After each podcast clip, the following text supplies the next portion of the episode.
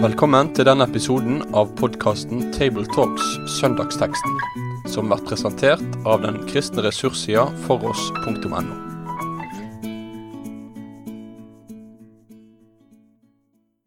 Hjertelig velkommen til en ny episode av uh, Tabletalks, der vi samtaler om uh, søndagens tekst. I dag så skal vi snakke om uh, det som er tekst, søndagens tekst for fjerde søndag i påsketida, 3. mai 2020. og teksten vi skal innom, er Johannes 16, vers 16 22. Denne teksten og samtalen spilles inn i et rom der vi har passet på at vi har to meters avstand på hverandre, fordi at vi spiller inn midt i, i koronatida. Det vil nok prege også vår samtale, regner jeg med. Med meg i panelet til å snakke i dag, så har jeg Simeon Ottosen, masterstudent i teologi. Og Sverre Bø Fjellhaug. Og jeg er Knut Kåre Kirkholm. Jeg òg er tilknytta Fjellhaug. Nå skal vi begynne med å lese teksten fra Johannes 16, og så skal vi snakke litt om, eh, om den teksten etterpå. Johannes 16, vers 16-22. Om en liten stund ser dere meg ikke lenger, men om en liten stund igjen skal dere se meg. Da sa noen av disiplene hans til hverandre. Hva mener han med å si, om en liten stund ser dere meg ikke lenger, men om en liten stund igjen skal dere se meg, og jeg går til far? Hva mener han med 'om en liten stund'? De skjønner ikke hva han snakker om. Jesus visste at de ville spørre ham, og han sa, 'Snakker dere om det jeg sa? Om en liten stund ser dere meg ikke lenger, men om en liten stund igjen skal dere se meg.' Sannelig, sannelig, jeg sier dere, dere skal gråte og klage, men verden skal glede seg. Dere skal sørge, men sorgen skal bli forvandlet til glede. Når en kvinne skal føde, er hun engstelig for hennes time er kommet. Men når barnet er født, har hun glemt smertene i sin glede over at et menneske er kommet til verden.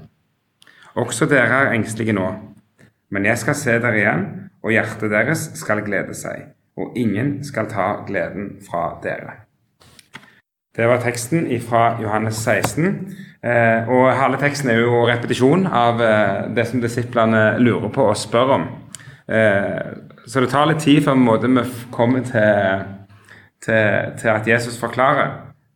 Og det er jo spennende på flere måter. Det, det ene er jo at eh, det er jo flere sånne episoder i gjennom altså Denne teksten er jo midt i Jesu avskjedstale. Eh, der, der, han snakker med disiplene, og vi er på skjærtorsdag.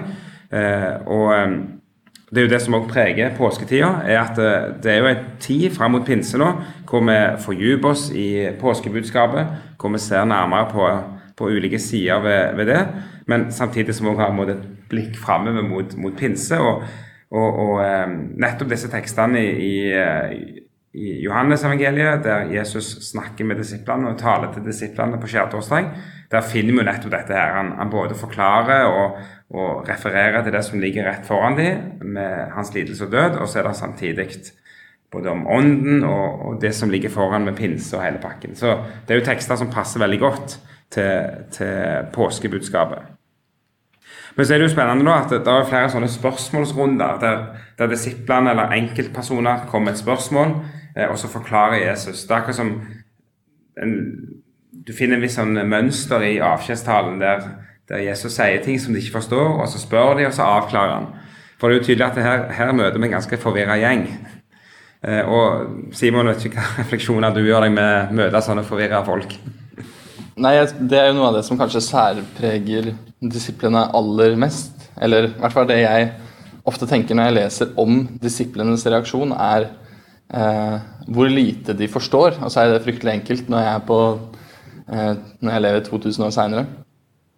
Men eh, ja, flere ganger også, så sier de jo til Jesus hvorfor taler du bilder, kan du ikke si ting rett ut? Det er liksom Ja, det virker som at uh, de ikke forstår hva Jesus mener. Um, selv ikke etter at han dør, så virker det som at de forstår eh, hvorfor han måtte dø, og hva som skal skje. da, Selv om vi får stadige tegn i evangeliene på at Jesus faktisk forteller hva som skal skje. Ganske tydelig etter min mening, da, i hvert fall.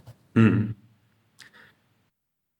Jeg vil gjerne skyte inn der at etter å ha vært lærer i 35 år, så syns jeg jeg kjenner noe av den kommunikasjonen igjen. Selv det du trodde sa veldig det trenger noen oppklaringsrunder, og for noen så trengs det en ekstrarunde. Lenge syns jeg som barn og ung at det var litt kjedelig med Johannes evangeliet, som brukte så mye tid på å på backstage og oppklare disse misforståelsene. Som livet har gått fram, så er jeg i grunnen blitt mer glad for det. For jeg tror jeg hadde klart å misforstått omtrent alt det som de også gjorde, hvis ikke Gud i himmelen hadde tatt seg bry med å skrive ned misforståelsene og de omstendelige oppklaringene. For det er vel av de mest klassiske misforståelser som vi noen hver hadde gjort. Eh, så det er jo spesielt i Johannes-evangeliet at Johannes tar seg tid til å fortelle hvor dumme vi var. Vi som ikke fikk det med oss verken første eller andre gangen. Men vi fikk det med teskje til slutt. Mm. Og evangeliet er så fremmed at vi trenger den teskjematinga, mange av oss. Så det, må, det, det blir jo et poeng i seg sjøl, eh, denne litt eh, omstendelige, repeterende første halvdel av, av vår tekst. Eh, og kanskje verdt et talepoeng alene, bare det. At eh, her er det behov for å, å gå de ekstra rundene. og jeg, jeg stiller meg bak det Sverre sier med når, når en har eh, hatt studenter. og det her med å være i en situasjon hvor du gir beskjeder eh, og forklaringer, at det, er, det der er vanskelig. Eh, vi oppfatter ulikt. Og, og, det må liksom Forståelsen må bli den enkelte sin egen eh, før det synker inn. Det, det, er litt sånn livet er, og sånn er vi mennesker skrudd sammen. Så det er jo egentlig en fin ting at det, det er litt omstendelig og litt ekstra forklarende. Et annet spørsmål som jeg bare vil eh, slenge ut til dere i, i eh, panelet her, snakker, eh, som vi kan snakke litt om, det, det, er jo denne teksten altså Her, her tales det om Jesus som går til far eh, en liten stund. Eh, og, vi kan jo lure selv på hva det betyr. Eh, det er ikke bare disiplene som syns dette er vanskelig. Hva er meningen med, med dette her? Er det, er det først og fremst at Jesus refererer til det som ligger rett framfor dem de neste timene? Med at han skal dø og, og så stå opp igjen? Eller skal vi trekke inn et helt endetidsteologi og skjema i dette her? Eh, og Det kan jeg gjerne begynne med å spørre deg om, Sverre, du som har kanskje jobba mest med endetid iallfall, og sånt. Eh, hva, hva du tenker om det? Jeg er faktisk ikke helt sikker på om Jesus sikter til at han blir borte for dem når han dør og legges i grav, men så skal de se ham igjen i de 40 dagene mellom første påskedag og Kristi himmelfart. Eller om det like mye er et signal helt fram til eh, Jesu gjenkomst. Det er litt morsomt med dette ordet 'liten tid'. Mm. Mm. På gresk så står det 'mikro'. Og for oss som lever 2000 år etterpå, så føles det ikke som noen mikrotid fra Jesus døde og til han kommer igjen. Men uh, hvis en dag er som 1000 år og 1000 år som en dag, så, så blir det litt mikro likevel. Mm. Men Simon, du har jobba en hel del med dette spørsmålet om ja. Ventet ikke disiplene at Jesus skulle komme fort igjen? Og så går årene uten at det skjer? Ja, eh, jeg har jobba mye med eh, spesielt Markus 13, altså når Jesus taler om eh, tempelet som skal falle, og menneskesønnen som skal komme eller menneskesønnens gjenkomst. da, og eh, det var, eh, det var litt, litt, av en oppgave. Det, det, tok eh, Når du trodde at ok, her ser du kanskje en løsning på problemet. Nå skjønner jeg hva Jesus refererer til i denne teksten. Nå snakker han om tempelet, eller nå snakker han om da han kommer tilbake. Så, så leser du bitte litt mer av teksten, eller så tolker du enda mer, og så finner du ut at nei, det er ikke så enkelt likevel. Det er kanskje det som gjør at jeg er blitt ekstra varsom i møte med en del endetidstekster. Er at uh, det ikke alltid er så lett å se uh, om Ja, se hva slags hendelse er det han refererer til. Og kanskje er det noe som heller går i etapper. Uh, at det er noe som blir gradvis oppfylt, mer enn at den hele og fulle oppfyllelsen skjer akkurat der på et visst punkt.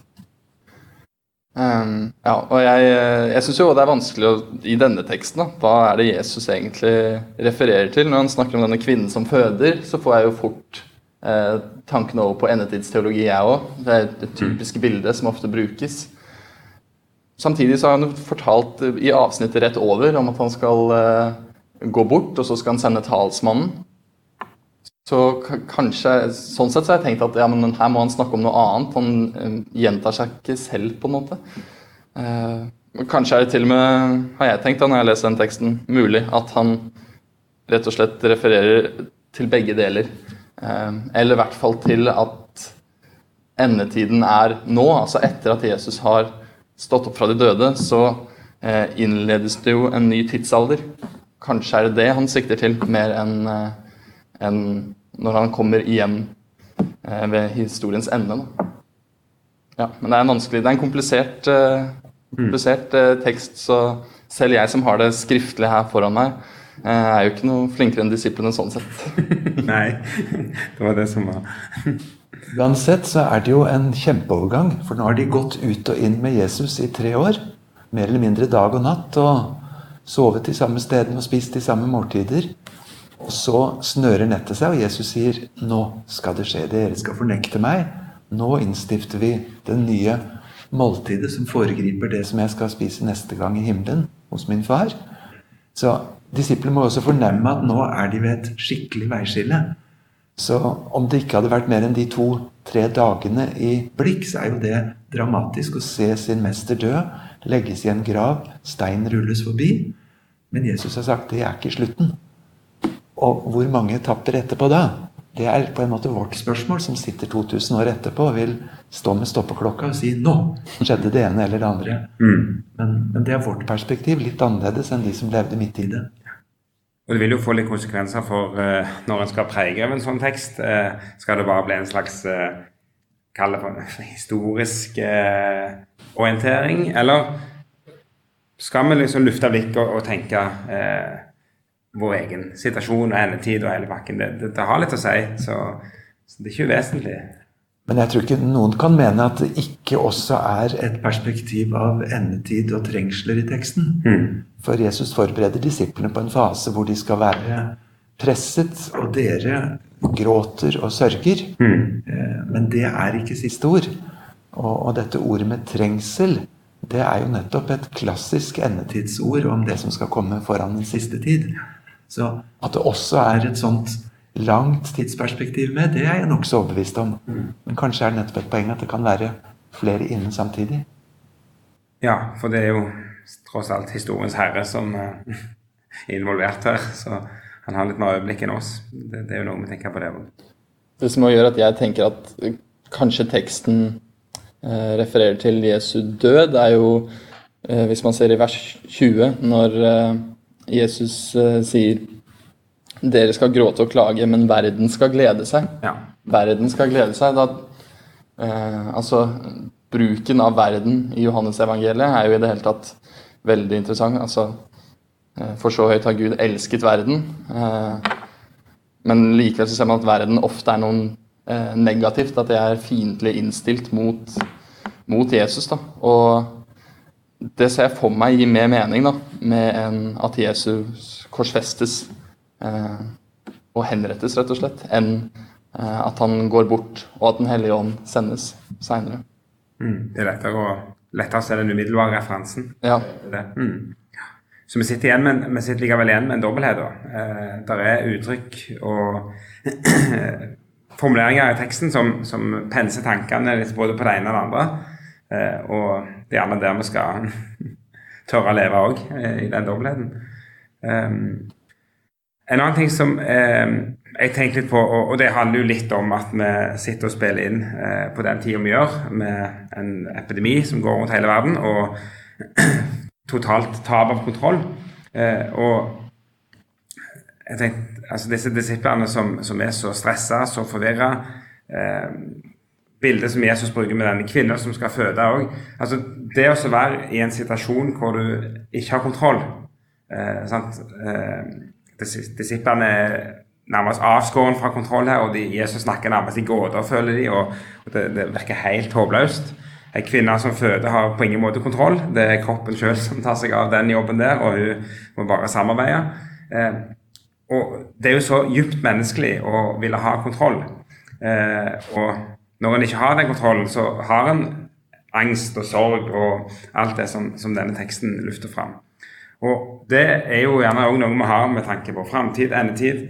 Eh, et totalt fravær av kontroll. Vi ønsker selvfølgelig å kontrollere endetida, og derfor så lanserer vi de mest vidløftige teorier om hvordan alt skal se ut, og rekkefølgen og hvem som skal være hva. Men vi sitter jo tross alt igjen uten kontroll. Det er ganske plagsomt for oss mennesker. Eh, og det er jo en fornemmelse som en, en får av, av, denne teksten. At her, her, her sitter de uten kontroll. og det plager de ganske intenst, for å si det sånn.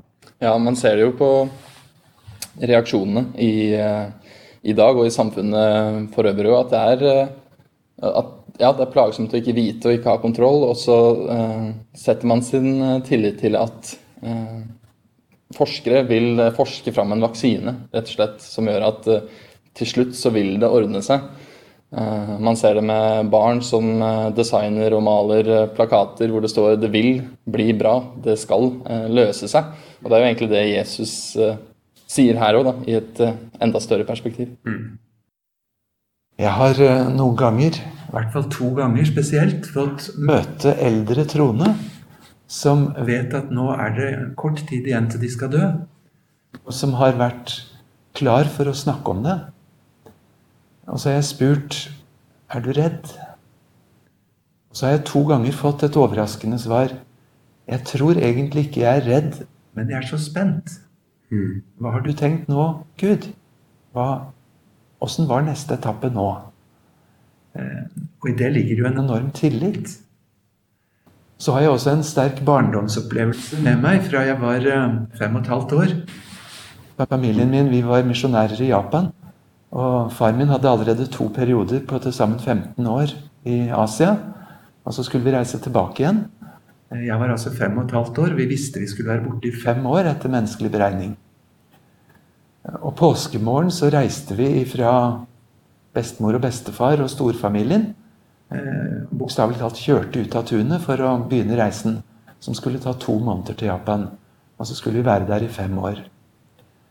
Da vi skulle ta farvel på gårdstunet, så sa min gamle bestefar, som var en sånn lun, varm, fin bestefar som vi elsket Når dere kommer tilbake igjen om fem år, da er nok jeg død, men dere må ha en fin tur. Det sa han med hvilepuls og med en klang i stemmen, sånn som jeg husker det som barn, som ikke var fortvilet og sår.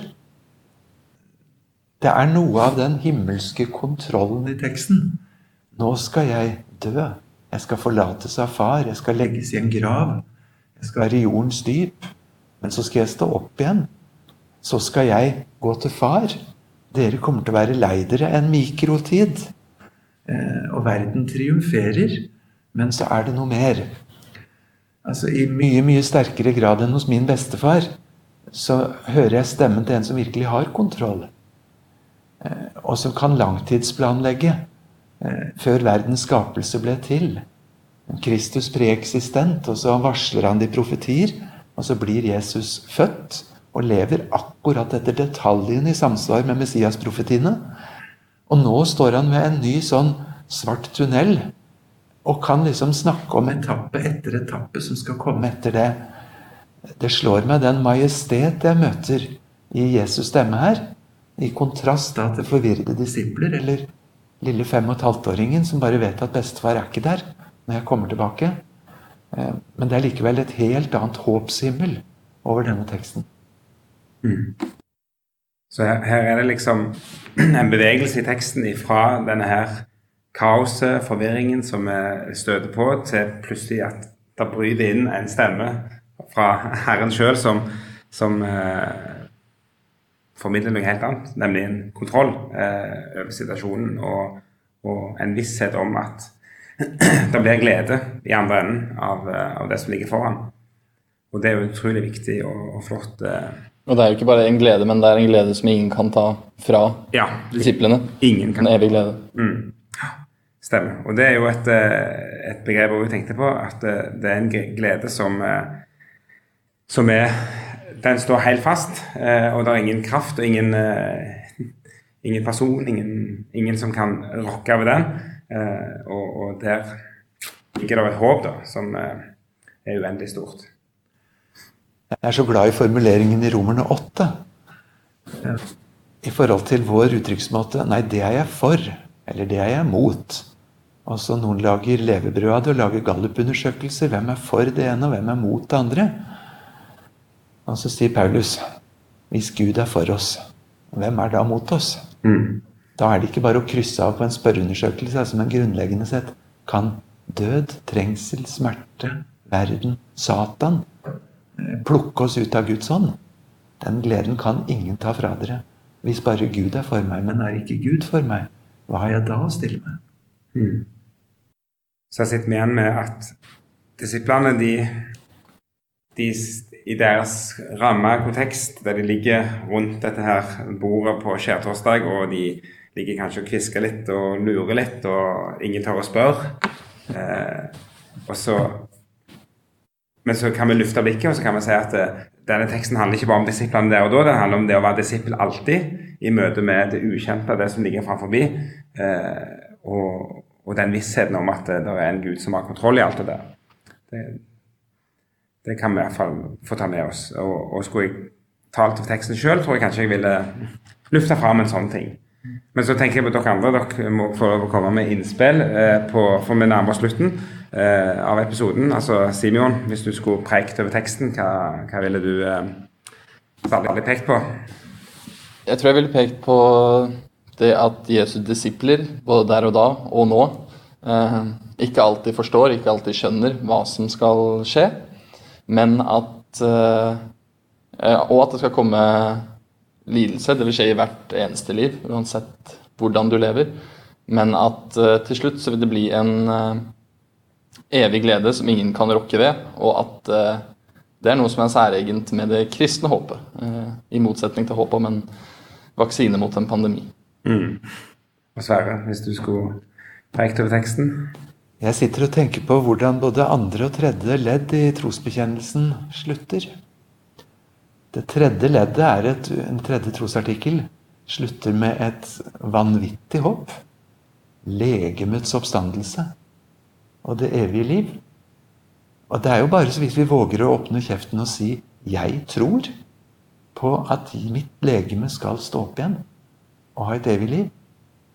Og kanskje enda mer i lys av sånn andre trosartikkelslutter, med blikket fram til at Jesus skal komme tilbake igjen, Jesu gjenkomst.